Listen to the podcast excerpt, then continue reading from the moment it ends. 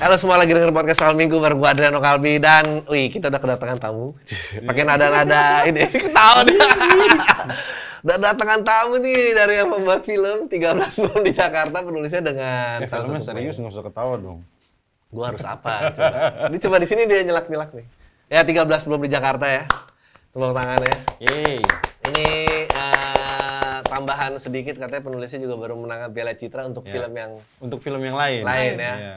Eh, filmnya Gaspar. Iya. Jadi kalau 13 bom Jakarta tuh akan tayang Gue kayaknya kalau menang ini nanti kayaknya menang juga soalnya yang barusan menang pakai angka 24. Ini angka pakai 13. wow. Kayak gue menang Boleh, lagi. boleh. Widih, widih, widih, widih, widih, widih. Kita mulai dengan kepercayaan diri Iya, ini ya. ini dia. Udah udah nggak malu-malu dia. Udah gitu keren banget nih menang Piala Citra nggak bisa hadir ya. Iya. Luar Mohon biasa. maaf saya lagi di tempat lain gitu. Padahal gua nunggu loh kalau lo hadir, gue pengen tahu lo pakai wardrobe apa. Apakah membawa Di kepala lo apa? Di kepala lo apa? Back, ada background background etnisnya. ada background etnisnya. Ari Keriting harus bangga ya. Iya. Iya, Oke. Ucapan terima kasih kepada Tuhan Mayang, Esa Iya, dulu, baru yang lain-lain. Tapi nggak, gue penasaran lo kalau nerima apa speech lo? Karena nggak ada speechnya di piala kemarin seremoni kemarin, lo bakal ngomong apa? Gue pengen tahu. Eh, apa ya? Tentu hmm, apa ya? Buat gua kan itu hal yang nggak gua bayangin juga ya. Menang. Jadi kayak paling ya hal yang harus gue lakukan adalah berterima kasih sama banyak orang karena kayak hidup gue tuh cuma modal bantuan orang gitu, gak ada modal bantuan lain gitu. Jadi kayak ya udah isinya kayak gue say thanks aja ke banyak banget orang gitu. Ya, sebetulnya kan relationship gue sama Visinema lama lah. Jadi eh, pertama eh, Piala Citra tuh aktor terbaik Cahaya dari Timur ya. Ya, sama Habis film itu terbaik. Film terbaik juga ya, film terbaik juga. Terus eh, pria terbaik lagi eh, Love for Sale Ya di Gading. di Gading. Eh, abis itu ini ya, Mm-mm. eh, Gaspar ya. Kayaknya keluarga Cemara juga. Oh keluarga. Cemara ada ya menang Iya. penulisan ya. Ya penulisan juga. Luar biasa. Nah, lo siapa yang mau cerita duluan? 13 bom di Jakarta tuh sinopsisnya. Oh, Mungkin dari nama karakternya. dong. Coba dari nama karakter dulu deh. Lo oh, buat oke. Eh, di sini main jadi Karin. Jadi Hmm. Bu Karin ini kepala divisi cybernya IKTA. Ini eh, lambangnya Ini teman. bajunya ya. Cek, Iya. Jadi ini elang apa Raja Wali nih? Ya itulah. Iya itulah pokoknya. Jadi eh, kita ada di Badan Kontra Terorisme. Hmm. Terus Karin tuh orangnya dedicated, determined gitu. Yang ya perempuan di kesatuan kan kita selalu tahu ya, selalu ada perjuangan lebih ya jadinya. Women in a Men's World lah ya. Ya, betul. Ceritanya mengenai apa? Coba J- nih, kenapa jadi- nih topik ini dipilih? Jadi jadi hal yang harus gue bilang adalah bahwa ini action spionage. Ini film yang isinya itu eh, sebuah peristiwa tidak terduga gitu ketika eh, Jakarta seperti yang teman-teman udah lihat di trailernya gitu eh, diteror oleh eh, rangkaian bom gitu yang punya maksud tertentu di balik itu gitu. Jadi sekelompok orang yang karena situasi tersebut akhirnya harus eh, berusaha untuk menggagalkan supaya tidak ada bom yang meledak lebih lanjut. Ceritanya kira-kira seperti itu. Ini eh, ada based on true eventnya apa? Ad- ada based on true eventnya. Pada beberapa adegan Iya, ya. Dan kemudian seperti biasa karena sebagai proses uh, story developmentnya, uh, pengembangan cerita itu dilakukan untuk memang kepentingan cerita itu sendiri. Ad- ad- boleh di share nggak sih background true eventnya yang di mix up misalnya? Boleh nggak sih? Boleh nggak? Selama ini Boleh sih enggak. Enggak, oke. Nah, selama, Selama ini sih enggak. Oke. Wah dia harusnya baca nih, yang ini nggak boleh, ini nggak boleh. Mesti nggak baca nih. Emang ada brief? biar lucu aja, biar lucu Iya lah. aja. eh, terus kenapa pilih? Kok, maksudnya kayaknya belum pernah ada kan film tentang Action eh, spionage. ex- Action action spionage. espionage gitu. Oh, oh, espionage susah susah. susah. Gue selalu belibet ngomong itu. Eh, karena belum ada aja. Kan Karena sinema belum selalu bikin yang belum ada. Iya benar sih, itu dia. Biasanya emang. gitu. Lo boleh nggak cerita put pendalaman Hmm. karakter? Kan ini profesinya jauh banget kan. Maksudnya kita as a normal human being mungkin nggak akan pernah Gua mau bersentuhan dengan dunia ini. Gue mau pura-pura dulu jadi intel kan nggak mungkin. Iya, tidak mungkin dong. Maksudnya, Iya, hmm. iya sih. Menurutku terus di kepalaku tuh semua, ini kayak kebanyakan nonton film Hmm, ya. Semua film espionage tuh tokohnya tuh kayaknya superhuman semua gitu. Hmm. Jatuh lantai berapa nggak apa-apa, ditembakin nggak kena gitu kan. Nah terus yang ada di kepalaku tuh itu dari awal gitu. Wah ini perempuan keren banget nih, bisa semuanya gitu. Mau disuruh masak betulin ban sama betulin genteng sama ngehack tuh bisa semuanya Oke. gitu. Jadi bayangan aku segitunya. Begitu berjalan saat sampai big reading ternyata nggak gitu. Hmm. Karena begitu baca seperti biasa, masanya kan bilangnya gue udah capek bikin drama lah, bikin action aja. Oke. Apanya nggak ada drama? Kayak Intens. wow, drama dramatis ya, dramatis. Justru intens. intens terus arc karakternya tuh juga eh, kerasa banget gitu semuanya nah ternyata Karin nih arcnya juga lumayan Hmm. gede terus ada ada adegan yang menurutku jadi kunci banget yang bikin dia superhuman gitu Hmm. ini bukan superhuman ya. tapi very human like Hmm. superhuman manusiawi banget gitu bahwa orang-orang dalam keadaan yang besar tidak terduga yang ada di luar bayangan kita pun ujung-ujungnya manusia gitu. Nah itu ada adegan yang menurut aku menjelaskan kemanusiaannya Karin gitu. Ceritanya protagonis antagonisnya siapa aja sih pihaknya nih?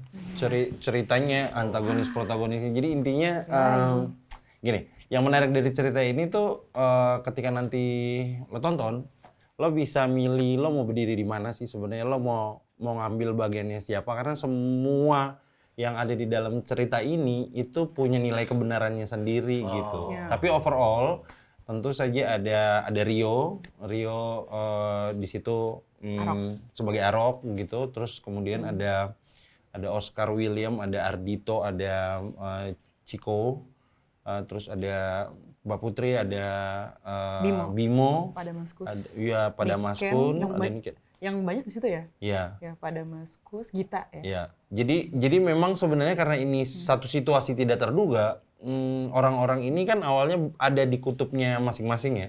Tapi sebagai sebuah cerita akhirnya mereka involve gitu di peristiwa ini. gitu. Ini kan sebetulnya kalau dilihat sekilas kan mestinya cukup straightforward ya antara law enforcer dan terorisme gitu dan kita mestinya berdiri di mana gitu. Lo boleh spill spill sedikit justifikasinya dan atau motivasinya si Arok?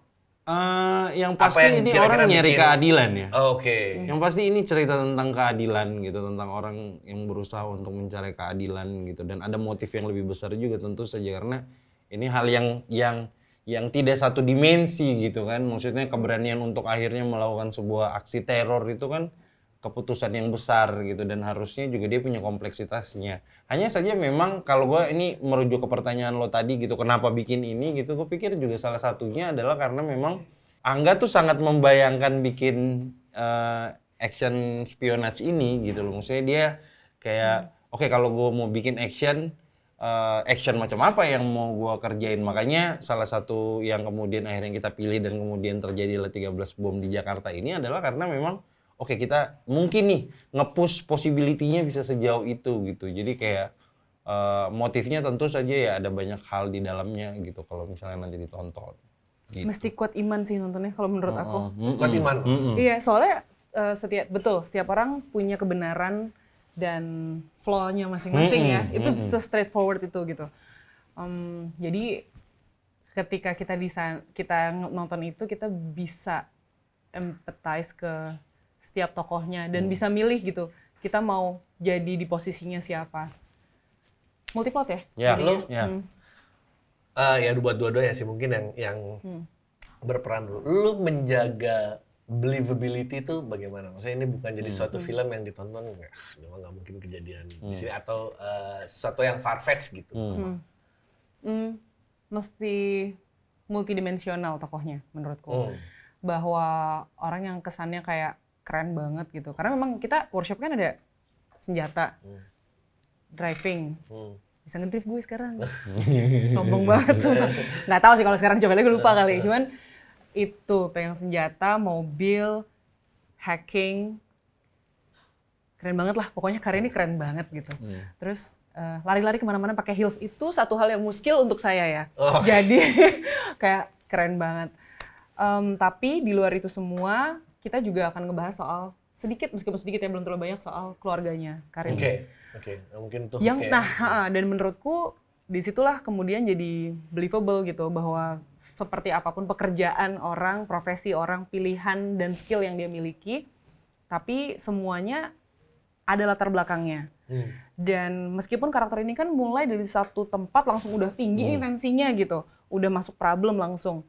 Tapi orang-orang harus melihat bahwa tokoh ini tidak ujuk-ujukun fayakun lahir ada gitu. Hmm. Orang harus bisa lihat bahwa tokoh ini sudah melalui serangkaian waktu kehidupan. Nah itu yang buat aku beruntung banget kita dapat Rukman Rosadi. Mas Rosa selalu punya sayangan kita, yang beliau juga main padahal di sini gitu. Dan Mas Rosa tuh nggak ragu-ragu bahkan untuk ngobrol dan nanya sama kita, put put liatin, aku kepikiran kalau jalannya pada Maskus tuh gini. Atau kayak gini put. Gimana menurut kamu? Kok kayak Mas nanya aku.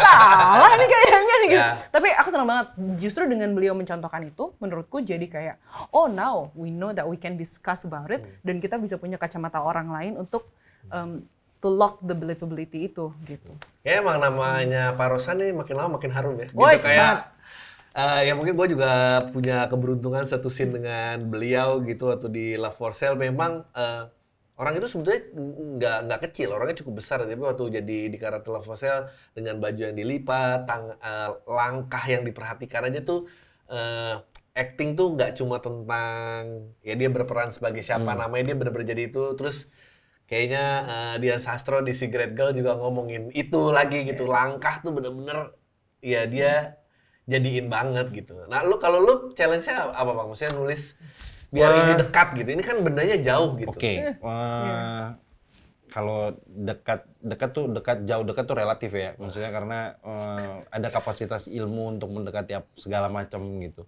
Nah, yang menarik sebenarnya memang gue tuh kan orang lebih bukan lebih suka ya, gue lebih sering mengerjakan drama gitu. Jadi memang cara menuliskannya pun berbeda kan. Akhirnya cara menuliskan action sama menuliskan satu scene drama itu berbeda. Nah itu pengalaman yang menarik ya. Maksudnya yang dari nulis drama terus convert nulis action gitu. Bagaimana itu bisa jadi sesuatu yang apa ya diimplementasikan sama produksi dan dikembangin sama sama semua yang ada di proses tersebut gitu. Itu challenging. Terus kedua hmm, dari segi cerita tuh gue tuh kan memang into ya sama segala hal yang ada hubungannya dengan masyarakat gitu. Maksudnya kemungkinan ekonomi sosial kultural apa pun gitu. Eh, kan hal yang memang apa ya gua tuh merasa bahwa di hidup ini tuh kita perlu tahu itu gitu. Lo lo kalau as a creator as a storyteller lo kalau nggak cukup sensitif buat menyerap apa yang ada di lingkungan lo lo tuh kayak ngomong sendiri aja di goa gitu. Lo kayak lagi lagi berkaca dan lo bilang ih gue ganteng atau ih gue cantik gitu. Tapi ketika kita keluar dari ruang tempat kita hidup dan kemudian kita lihat kemungkinan yang ada di sekitar kita sebenarnya di sana nyawa cerita itu berada. Jadi kalau dibilang apakah ini cukup jauh tentu saja ada banyak sekali bacaan yang bisa kita pakai ada banyak sekali tontonan ada banyak sekali informasi yang bisa kita serap untuk uh, membuat ini tuh jadi mungkin terjadi dan mm, apa ya eh, dalam banyak hal gitu. Kalau kita perhatikan gitu bagaimana bagaimana kekerasan bagaimana terorisme itu terjadi tentu saja dia bukan hanya satu peristiwa yang terlepas dari dari akarnya gitu dia pasti punya basis yang kuat makanya mempelajari bagaimana bagaimana orang bisa melakukan ini tuh jadi menarik gitu loh dan Nih- itu ada banyak sekali yang kayak gitu Ini sedikit sedikit personal eh, nanya ke Ipang. Gua tahu Ipang udah nggak suka bawa-bawa ini lagi, tapi dulu kalau lagi seminar penulisan sih dia sering buka. Tapi sekarang udah nggak. Eh, lu sebagai penulis ya, eh, ya dulu kan lu bercerita background tunggu Ah, gimana ah, ah. eh, terjadi kekerasan Ah, seperti ah, apa di lingkungan itu. Terus ya lu mungkin boleh cerita sedikit ya. Ini nggak apa-apa ya gitu kayak nggak tahu lu gue nggak Nah, tahu lo lu- mau ngomong di- apa di- di- Kan di sih. Ambon, di Oh, Ambon iya, kan, iya, eh, iya, iya, oke. Kita eh, mengalami di- eh, Iya, tumbuh iya. di tengah-tengah konflik konflik, ya ya agama gitu ya ya ya ya Gue pengen nanya lu sebagai kreator, eh, pengalaman lu itu berperan nggak? Dan kedua kalau orang nggak punya pengalamannya mungkin nggak Hmm. dia kejar Hmm. bikin Hmm.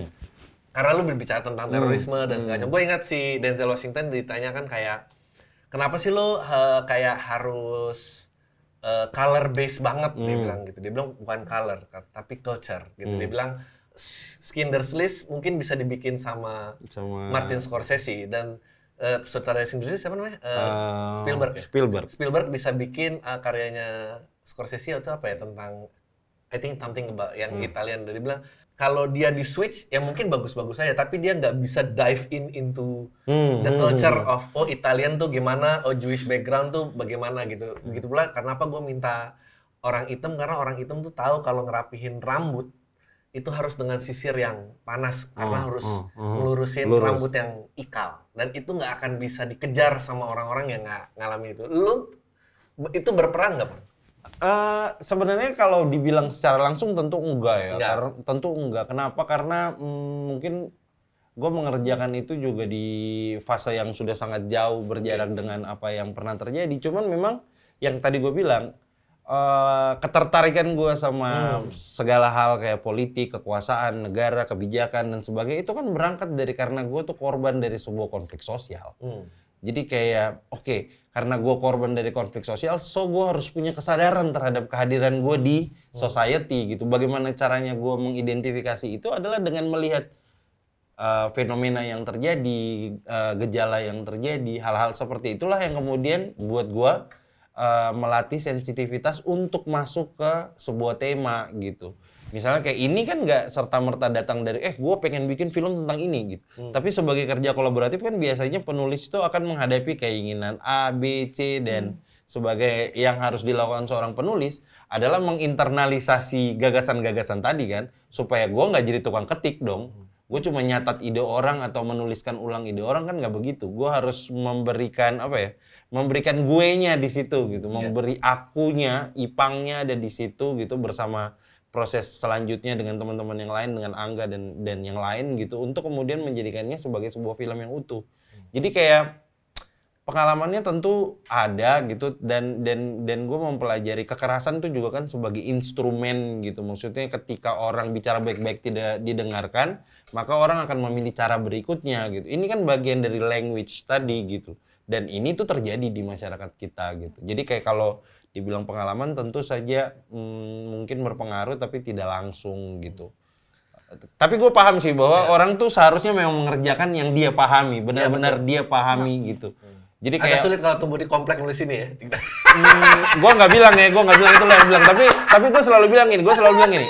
Eh gue kalau berhadapan dengan orang yang selalu bilang gini, eh gue pengen ngerjain sesuatu yang gue nggak tahu, nggak apa-apa. ya. Tapi hal yang harus lo lakukan berikutnya adalah mencari tahu sebanyak-banyaknya tentang apa yang mau lakukan. Karena kalau lo mau mengerjakan karena lo nggak tahu, dan lo akan tersesat di sana gitu. By the way, eh, kesensitifan Ipang tentang keadaan sosial tuh saya rasakan langsung ya karena Ini kita kayak- pertama kali kenal dia langsung ah ini mah anak jaksel gitu. Ngomong, ya. datang karena dengan background kelas nggak mau temenan sama saya nah Ah. lanjut Ouch. ke ke, ke lo nah kan dia tadi kita bicara yang dekat nah lu bagaimana mendekatkan diri lo dengan various background yang lo punya memerankan karakter ini Iya. Ini aku malah menarik ketika bilang tadi ya orang harus mengerjakan apa yang dia tahu. Aktor tuh sering banget dapat ya PR yang jauh Ya. banget dari ini kita. kayaknya jauh banget Meskipun Denzel ngomong kayak gitu, eh, tapi ada menurutku memang dalam taraf tertentu betul ketika kejarannya ke sana. Tapi yang sering sekali terjadi terutama di Indonesia gitu kan akan ada typecast typecast. Hmm. Yang orang dikasihnya itu lagi perannya modelnya gitu lagi Iya. karena kita bisa melihat dia bisa melakukan itu. Yang menarik ini kan karena ini aku juga belum pernah nih main peran kayak Iya. gini. Jadi pertama ditawarin juga aku yang bener nih gitu. Hmm. Serius Tovan gitu kan. Serius nih Mas Angga beneran? Ya iya gitu. Gue tahu banget siapa yang bisa mainin kayak gini gitu. Hmm. Aku bahkan nyebut yakin nggak mau si ini aja gitu. Beneran. Aku sampai nanya, ya kan udah biasa kalau dia gitu. Hmm. Ya, tapi kan kalau aku gimana? Ya justru itu kita pengen lihat gimana kalau Putri Ayu yang mainin gitu. A- apa spe- eh, ada special method kah yang lo ambil yang bisa lo share gitu Uh, untuk kita anak rokmanologi ya. Ah, Rumahologi, wah, iya, iya, rumahologi, betul. ya iya, emang. Orangnya nggak hadir udah disebut empat kali. Iya. Betul. Mas Rosa. Jadi memang ini udah dengan izin dia gitu. Jadi Iya. dia udah hehehe, udah Ah, itu ketawa-ketawa juga guru gitu. besar saya kok. dalam hidup, dalam Iya lo bener loh. Iya, bener Dia loh. ngomongin hidup juga gila banget. Iya. So um, buatku dalam mendekati peran ya tentunya tadi riset sih nomor satu ya. Riset, riset, riset dan riset gitu. Nggak bisa cuma ngebayang-bayangin aja, nggak bisa cuma punya idenya aja, tapi mesti diturunkan gitu. Nah yang kejadian mungkin yang aku paling dekat eh, usahanya adalah bareng sama Mas Bimo. Nah, karena Mas Bimo jadi Emil. Ya, ya. Kita posisinya kurang lebih mirip dalam kesatuan tapi di divisi yang berbeda, Berbeda. dengan senioritas yang lain gitu. Tapi kita tahu bahwa punya jejak yang mirip nih gitu. Meskipun skill setnya beda, tapi semua orang di kesatuan pasti mengalami pelatihan, mengalami uh, pegang senjata gitu. Nah, itu yang aku sama Mas Bimo dapat barengan. Arok juga dapat, tapi beda macamnya gitu. Sama Emil juga Karin ini dibekali hal yang berbeda lagi gitu. Waktu itu kita bootcamp beneran dan bootcampnya di Jonggol kan wassalam ya. Kita kayak uh dari awalnya masih lumayan lah kelihatan ya agak anak kota. Baliknya wow tidak bisa dibedakan dengan semuanya. Dan itu seru Dengan banget jonggolnya ya. dengan itu bener bahkan di tengah-tengah pelatihan tuh aku udah dipotong ya rambutnya udah dipotong banget. Terus di situ ceweknya tiga. Sekian belas orang lainnya 20 atau berapa orang lain itu laki semua. Terus kita pegang. Ke mana-mana kan yang cowok-cowok istri pertama senjata. Nah kita suami pertama lah. Hmm. kita pegang. Tuh nggak boleh lepas. Kalau lepas diganti sama gedebok pisang. Terus pas kita bawa tiba-tiba ada ya kakak ini ya kita nanyain eh, ngomongnya ke Niken sama ke satu lagi gitu ada teman kita juga. Dia tanya "Eh, mbak tadi tadi bukannya ada tiga ya perempuannya? Gue kayak Saya. Udah nggak dianggap. udah nggak dianggap perempuan. Jadi ya karena pendek sendiri rambut yang lain kan masih agak ada pajak kelihatan gitu manis ya. Gue udah ya blok banget. Tapi memang eh, menurutku dari semua persiapan kita kan semuanya emang dibekelin dengan skillnya masing-masing gitu yang terus-terus kita bilang berkali-kali adalah kita senang banget bahwa dengan tawaran ini kita tahu harus bergerak sejauh apa sehingga persiapannya harus seperti apa. Nah, di sini Mani ngasih kesempatan kita untuk nyiapin gitu. Ya kalau perlu eh, tiba-tiba dikasih tahu kalau ini badan put jadi gini. Nih gue gue bukan body shaming nih put gitu. Ya mas, lu mau gue kurusan? Bukan kurusan, bukan kurusan. Eh, toning put biar kelihatan kayak badannya pegang senjata dan apa lu, lu harus firm gitu. Oke, kalau butuh PT bilang aja ya. Hmm, sebulan hidup gue kayak Tuhanku. ya gitulah, tapi tapi jadi menetap. Dan Bimo tuh yang selalu ngingetin soal kayak gimana maintainnya, gimana jaga badannya gitu. So it's, it's very good dan memang kalau dulu banyak berpikir soal pendekatannya lebih ke- dari dalam keluar gitu ya. Tahu pikirannya, tahu perasaannya, tahu eh, semua triknya, tahu luka-lukanya gitu, tahu keberhasilannya dia, achievementnya, kebutuhannya apa gitu. Tapi kali ini ini completely different. I have to go from both ways. Karena di luarnya di tempat kan beda banget ya. Orang yang olahraga tiap hari sama orang yang nggak pernah olahraga. Gampangnya gitu aja deh. Iya. Nah, Orang yang pernah kita baru kita baru pernah tahu. Aku sama Ute sama Lutesya kita berdua latihan ngedrift kan dan memang ada kebutuhannya dan memang film ini digadang-gadang punya car chase. Wassalam kalau kita nggak latihan nih dan kita baru tahu nyetir aja lo bisa kapalan gitu. Hmm. Dan itu nggak akan terjadi kalau kita nggak nyobain. Kita tuh sampai lecet-lecet berapa hari kayak, ini kan cuman segini latihannya. Terus nyetir doang kok badan remuk ya rasanya gitu ya. Ternyata memang ada hal-hal yang kalau kita nggak lakuin, badan yang nggak mengalami, kita nggak punya kemampuannya untuk mendekati posisi itu gitu. Betul. Dan baru kelengkapannya ternyata setelah semua itu read- sampai big reading dan ngerasa aduh kok nggak dapet, habis itu kita dapat bootcamp. Bootcamp, oh ini nih rasanya. Dan ternyata yang paling lengkap lagi adalah kita kan selalu diingetin biar nggak ngelok karakternya sampai di lokasi. Masuk lokasi, lihat. Ini pertama kalinya aku masuk masuk di dalam studio, masuk set, nangis gue. Oh. Karena kayak, wah, gini ya rasanya. ya. Wah, kita langsung beda, langsung punya kehidupan. Tokohnya tuh punya kehidupan. Dikasih tahu nih ruangan aku ini, tempat gue berperang tuh di mana gitu, di depan layar yang seperti apa. Dan kemudian teman-teman em, supporting masuk. Duduk ada di situ, terus gue, "Wah, gue bisa ngapain ya?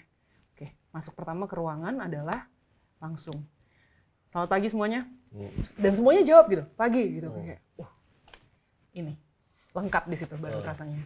Bahwa lingkungannya harus dibangun, Ya. harus dibangun, inside out-nya memang mesti dideketin dengan cara sebisa-bisanya. Gokil, gokil. Bangun believability gila banget. Boleh ceritain nggak golden scene atau scene paling tough untuk Kalau diwujudkan? kalau gua nggak tahu kalau aktor kan ya, berbeda aktor ya. boleh, boleh. iya, Kalau Iya, iya. kalau gua tentu saja hal paling sulit buat gua ketika menuliskan ini adalah menjelaskan logika si teroris. Hmm. Buat gua ya ini kan orang bakal announce maksudnya ke publik ya. Ya. Maksudnya nanti lo akan bagaimana menyusun cara berpikir itu supaya bisa diterima itu hal yang sulit. Maksudnya berdraft-draft membuat runutan gagasan itu di disampaikan ke orang lain itu berdraft-draft gitu. Maksudnya usaha menulisnya tuh sulit gitu.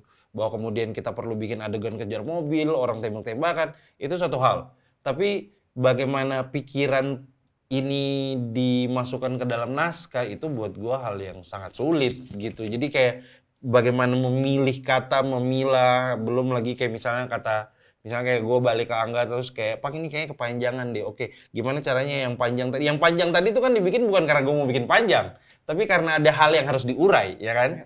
Jadi bagaimana memotongnya lagi supaya esensinya tetap eh, sampai gitu. Karena eh ya itu tadi karena ada kebenaran di sana dia juga harus terdengar benar lo bukan cuma bilang eh gua lagi naro bom 13 biji hati-hati. Kan nggak gitu. Tapi lo memberi lo memberi memberi basis kenapa ini harus gue lakukan gitu dan kenapa ini harus harus dilakukan gitu. Itu buat gue susah ya. Maksudnya buat gue sebagai yang menuliskan cerita gitu sama Angga itu susah banget. Nggak tau mbak Put sebagai kan banyak tuh Put? tembak-tembakan kejar-kejaran. Iya bener. Em, menurutku karena di sini aku hampir semuanya belum pernah benar-benar lakukan, jadi pasti punya kesulitan masing-masing. Tapi ada yang kayak kesulitannya dikumpulin jadi satu tuh di satu adegan. Makasih loh kak. kayak ada adegan inget gak sih yang eh, kayaknya di trailer, kayaknya di trailer ada jadi nggak masalah disebutkan. Ada satu adegan di mana aku sama Ute Hmm. ya Karin sama Agnes tuh parkir keluar mobil Hmm. buka bagasi nyiapin semua persenjataan pakai peralatan Em, nah nah itu banyak banget perintilannya Hmm. Gelu- ngeluarin, ngeluarin senjata laras panjangnya, buka popornya, kalungin ke badan, masukin magazinnya, terus nyuruh orang pakai eh, Fast. vest, makein dia vest gitu karena dia sipil juga. Terus habis itu pakai belt sendiri memastikan semuanya ada di situ gitu. Karena kan kelihatan dia continuity juga em, selalu bikin pusing kalau continuity itu kalau kita nggak Hmm. nggak bener-bener kenal gitu sama barangnya. Dan continuity kita asik banget, asik banget. Mereka sangat concern sama kita dan bukan hanya memperhatikan intinya tapi juga memperhatikan emosi kita. Jadi kita dijagain banget rasanya. Terus sambil melakukan semua itu plus ternyata aku punya senjata di tempat yang lain lagi. Jadi aku harus bawa beberapa Wow. senjata dan segala macam dan melakukan semua itu dalam tensi yang sangat tinggi dan sambil dialog. Hmm. Wow. jadi untuk adegan itu saja untuk buka popor aja ternyata untuk buka popor itu tuh eh, jempol saya nggak kuat ya. Jadi aku ada beberapa hari kita punya armory eh, keren banget Om Benny. I think he's one of the best. No he's the best di Indonesia aku pikir. Jadi safety-nya kita tahu dan kebutuhannya tuh bahkan ada senjata yang dibikin khusus di sorry dimodif khusus yang untuk Arok sama untuk Emil. Ya karena mereka biasa pegang senjata gitu kan. Nah buatku juga dipikirin banget tuh yang cocok buat aku pegang tuh yang apa gitu yang sesuai kepribadian karakternya gitu. Buka popor tuh berkali-kali jadi aku latihan bisa setiap hari ketemu mereka meskipun aku nggak ada jatah nembak. Cuman jatahnya buka popor doang. Buka tas buka angkat buka popor kalungin. Klak segala macam. Ngecek ngecek dulu aman kosong apa segala macam. Jadi prosedurnya juga prosedurnya ada tapi kerennya juga dapat karena kan bagaimanapun film you have to believe kalau aku udah biasa pegang itu gitu. Jadi ngelakuin itu semuanya berhari-hari aku cuma latihan buka popor masukin lagi buka lagi taruh tas segala macam ngecekin gitu. Just that. Dan itu buat aku sebagai aktor it's very challenging. Melakukan semua hal itu di satu waktu gitu. Oh yang lebih kerennya lagi adalah setelah semuanya selesai di dubbing pak itu agak internal ya, agak agak, agak sebel itu. Kenapa dong harus live take tadi gitu?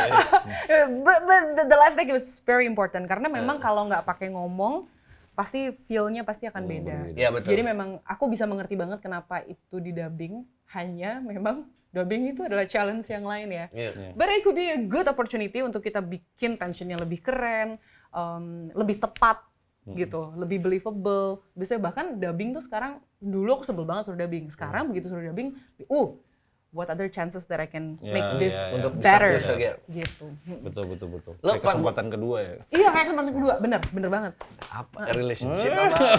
Tulisnya. Eh, enggak lah benar. Ya, Nah, itu- itu- we know about lah. Nggak, lo, eh, lo tuh per, lo, lo Eh, lo penasaran relationship, eh, relationship writer sama director gitu ya. Eh, seberapa yang ada di skrip itu ada di visual dan seberapa yang dikembangin di visual? Ya, kan ya. nggak mungkin kan kayak penulisan kayak buka ini resleting turun Ya. apa dan Ah, itu kan ah, tahan. Nih ya Pak ya, kita semua nih, semua aktor ya, Hmm. baca naskah Bapak nih, kita kayak, ini gimana sih? eh, Bukan karena nggak bagus, bukan Hmm. karena nggak jelas, jelas. Tapi kita nggak tahu gimana caranya film Indonesia bikin begini, gitu. Eh ternyata bisa ya? Jadi Nggak loh, bisa. jadi sih, gila sih. Enggak, sebenarnya tapi Iya. yang menarik juga, yang menarik juga kan sebenarnya kalau gua kerja sama Angga tuh kan karena ya udah udah cukup panjang Hmm. gitu prosesnya, jadi kayak saling ngisinya juga udah banyak, jadi kayak jauh sebelum kan gue bukan jenis penulis skenario yang eh, gue kasih buat orang reading gitu, tapi Hmm. maksudnya yang dilakukan tuh ya udah kita bareng director aja dulu gitu sampai semuanya yang kira-kira oke kayaknya ini oke gitu baru kemudian selesai gitu kan. Jadi kayak eh, apa yang ada di naskah itu eh, ada di film dan berkembang tentu saja. Karena kan karena ini kan bagian dari respon juga ya. Belum juga kayak gue di pengalaman gue menulis buat Angga di model film apa pun gitu dia selalu merespon apa yang dia dapat gitu uh, situasi yang dia set yang ada uh, ruang yang ada cuaca tekstur macam-macam gitu kan. Itu kan berkembang gitu. Nah yang menarik tadi gue bilang itu bahwa action itu kan lo harus nulisnya detail gitu. Ya. karena itu berhubungan dengan banyak sekali hal gitu loh. Maksudnya bahkan pada level tertentu buat gua kalau misalnya dari referensi ba- pembacaan gue terhadap naskah-naskah film action Hollywood gitu yang bagus gitu itu ditulis tuh memang sangat spesifik. Mereka mempelajari semua jenis senjata. Karena tadi betul senjata yang dipakai itu ada hubungannya dengan personality si toko gitu loh. Maksudnya kalau kita cuma Google, oke Google nama senjatanya ini gitu. Tapi lalu kemudian kita tidak paham eh, apa fungsi senjata tersebut, kita jadi kemudian nggak nggak mengerti bagaimana personality karakter akan match sama benda yang dia pegang. Gokil. Betul, Wah, betul. eh, boleh diceritain sedikit nggak tentang pemilihan topeng? Gue lihat. eh, Mbak Put aja dulu, yang sering ngobrol. Nah, maksudnya gue gua ngeliat cuplikan promonya sedikit dan banyak membahas topeng dan gue rasa eh, topeng Kemarin itu bahas di- topeng dipilih karena kayaknya ini yang believable gitu. Maksudnya Angga gue sempet ngeliat klipnya kayak apakah kita mau ke money heist kah, apakah apa gitu. Eh, a- apa yang dibalik topeng itu? Tentunya saya tidak bisa menjawab ya, Iya. karena ini bagiannya Arok dan uh, mungkin hanya untuk nam ini sih untuk nambahin aja, tetap core-nya pasti ada di Bung Ipang. Karena semua pemain di sini mengambil uh, ciri khususnya sendiri. Oke. Jadi ngasih hidup sama hal-hal yang menjadi miliknya gitu. Nah, menurutku termasuk topeng itu juga Mas Rio memilih dengan sangat hati-hati. Cangklong, ya. Eh, aku nggak tahu kalau cangklong tuh dari awal ada atau nggak sih? Eh, sebenarnya enggak. Enggak, kan? Sebenarnya enggak. Itu respon tadi yang aku bilang. Ya. Jadi, kurasa kalau ide awalnya tentu silakan Bung Ipa. Aku cuma bisa bilang bahwa aku melihat bagaimana Rio Dewanto berproses untuk tiba-tiba jadi gitu ya. Maksudnya dari awalnya gimana kan Mas Rio tuh kan suka gitu ya. Ada ngilang, Hmm, datang balik jadi. udah jadi. Iya. Jadi kita bisa ngelihat jeda di antaranya gitu loh. Dan lebih lebih mudah melihat perubahan dan transformasinya ketimbang kita setiap hari bareng gitu. Jadi ketika kita lagi bareng waktu di awal, Mas Rosa suka ngajarin soal cara jalan kan. Nah, termasuk itu tuh. Eh, tiba-tiba cara jalannya berubah, cara berdirinya berubah gitu. Mas Rio. Eh, gesturnya berubah, perawakannya berubah. Nah, topeng itu juga jadi jadi pegangan dia kelihatannya Hmm. untuk sesuatu yang harus Mas Rio yang jawab sebenarnya. Hmm. Jadi embrio, tapi embrionya ya tentu Ten- silakan. Tentu yang gue tulis topeng aja bro. Oh, gitu. aja, sisa- oke. Sisanya sih sebenarnya itu ba- bagian dari respon. Cuma memang, cuma memang kalau eh, secara desain kenapa topeng itu jadi penting karena memang lo nggak penting muka lo gitu. Yang penting tuh gagasan lo gitu. Nah nanti kalau filmnya udah tayang, terus gue nanya apa boleh diceritain. The idea of dibalik topeng yang seperti yang Rio pakai, cangklong apa dan sebagainya itu juga sebenarnya bagian yang lebih global lagi gitu. Maksudnya ada maksudnya in real life tuh sebenarnya ada gitu figur-figur seperti itu. Cuman yang penting tuh itu tadi topeng itu untuk menyembunyikan identitas lo karena identitas lo jadi tidak penting. Yang penting adalah gagasan lo gitu. Jadi di naskah tuh memang ditulis topeng. Cuma bagian yang menarik karena aktor-aktor yang ada di film ini semua itu punya apa ya? Punya kapasitas yang buat gua itu luar biasa bagus. Yang dilakukan kan adalah gatal untuk mm, memberi aksen, memberi eh, apa sih namanya tekstur terhadap peran mereka gitu. Belum lagi Angga juga punya ruang yang sangat apa ya dinamis untuk hal-hal seperti itu gitu. Mereka mencari kayak cangklong itu juga kan nggak ada di naskah. Itu hal yang kemudian kayaknya bagian dari conversationnya Angga sama sama Rio sama Arok gitu. Nih sa- satu sebelum terakhir nih, eh audiens bisa expect apa dari film ini? Action terbesar tahun ini lah. Itu dia. Jadi habis habis pencurian terbesar abad ini, Iya, action action terbesar lah. abad ini. Lo nggak pernah lihat ledakan sebanyak ini di film Indonesia. Lo nggak pernah bi- lihat hal-hal yang yang apa sih namanya bikin lo excited. Harusnya nonton di layar besar gitu, punya experience yang harusnya menyenangkan gitu. Kalau lo emang suka film action gitu, Baput. Yes, dan juga kompleksitas karakter Hmm. yang grounded. Mm-mm. Eh, ekspektasi boleh nggak sambil berdoa penonton? Kita sih berharap ya penontonnya sebanyak-banyaknya yang Iya, nonton. harus Ya sejuta lah kan? ya. Apa? Insya Allah, harus tembus insya sejuta Allah. gitu. Iya, Ya iya. kita sih berharap sebanyak-banyaknya Lebih sekali banyak lagi ya. dari itu boleh nggak lo? Boleh, boleh. Kenapa lo maksa gue bilang sejuta? Enggak, itu kan biasanya bar yang Ah, disebut nggak mahal orang-orang. gua. Nggak Barnya mahal. nggak boleh sejuta, masa gitu? Luar biasa, luar biasa. Kok Ah. Gue dia bilang sejuta disuruh ngamin kan? Enggak, Nggak enggak, mau. enggak, kan gue cuma nanya, katanya kan standar lewatnya itu. Gue ya aja. Di luar itu sih eh, di luar jumlah ya, Hmm. aku merasa film ini bisa jadi bar yang baru yang Iya, itu mah udah bikin pasti sih menurut gue. yang bikin kita punya bahan pembicaraan lagi dan all filmmakers di Indonesia dan siapa pun yang cinta film di Indonesia tahu bahwa kita bisa bikin film yang terus nambah kualitasnya naik setiap tahunnya and anything is possible. I- itu itu mungkin kenapa gue suka maksudnya gue suka bekerja dengan misalnya kayak Angga gitu. Karena eh, hidupnya tuh mau dipakai buat challenge eh, apa yang udah ada. Kalau kayak eh, ayo kita ulang apa yang udah kita bikin tuh kayak percakapan yang tidak akan pernah terjadi. Kayak buat apa temenin sama lo gitu. Tapi kayak percakapannya itu justru iya percakapannya itu justru kayak apa ya yang mau kita bikin lagi supaya gitu orang tuh percaya bahwa film Indonesia itu bisa melakukan itu, produksi kita bisa melakukan itu, kru kita, talent kita, manpower kita semua bisa dipakai untuk wah, set eh, bar baru gitu loh bahwa film Indonesia tuh bisa lebih dari yang kita udah punya. Mantap. Eh, ya udah terakhir buat penutup eh, promo ke kamera aja kapan harus menyaksikan dan segala macam. Ke mana kamera mana sana? Oke. Dua penon- dua tamu ini silakan. Oke. Oke, ayo nonton 13 Bom bom di Jakarta mulai tanggal 28 Desember 2023 2023 di bioskop. di semua bioskop. Oke, itu aja. Dah. Dadah. Bye.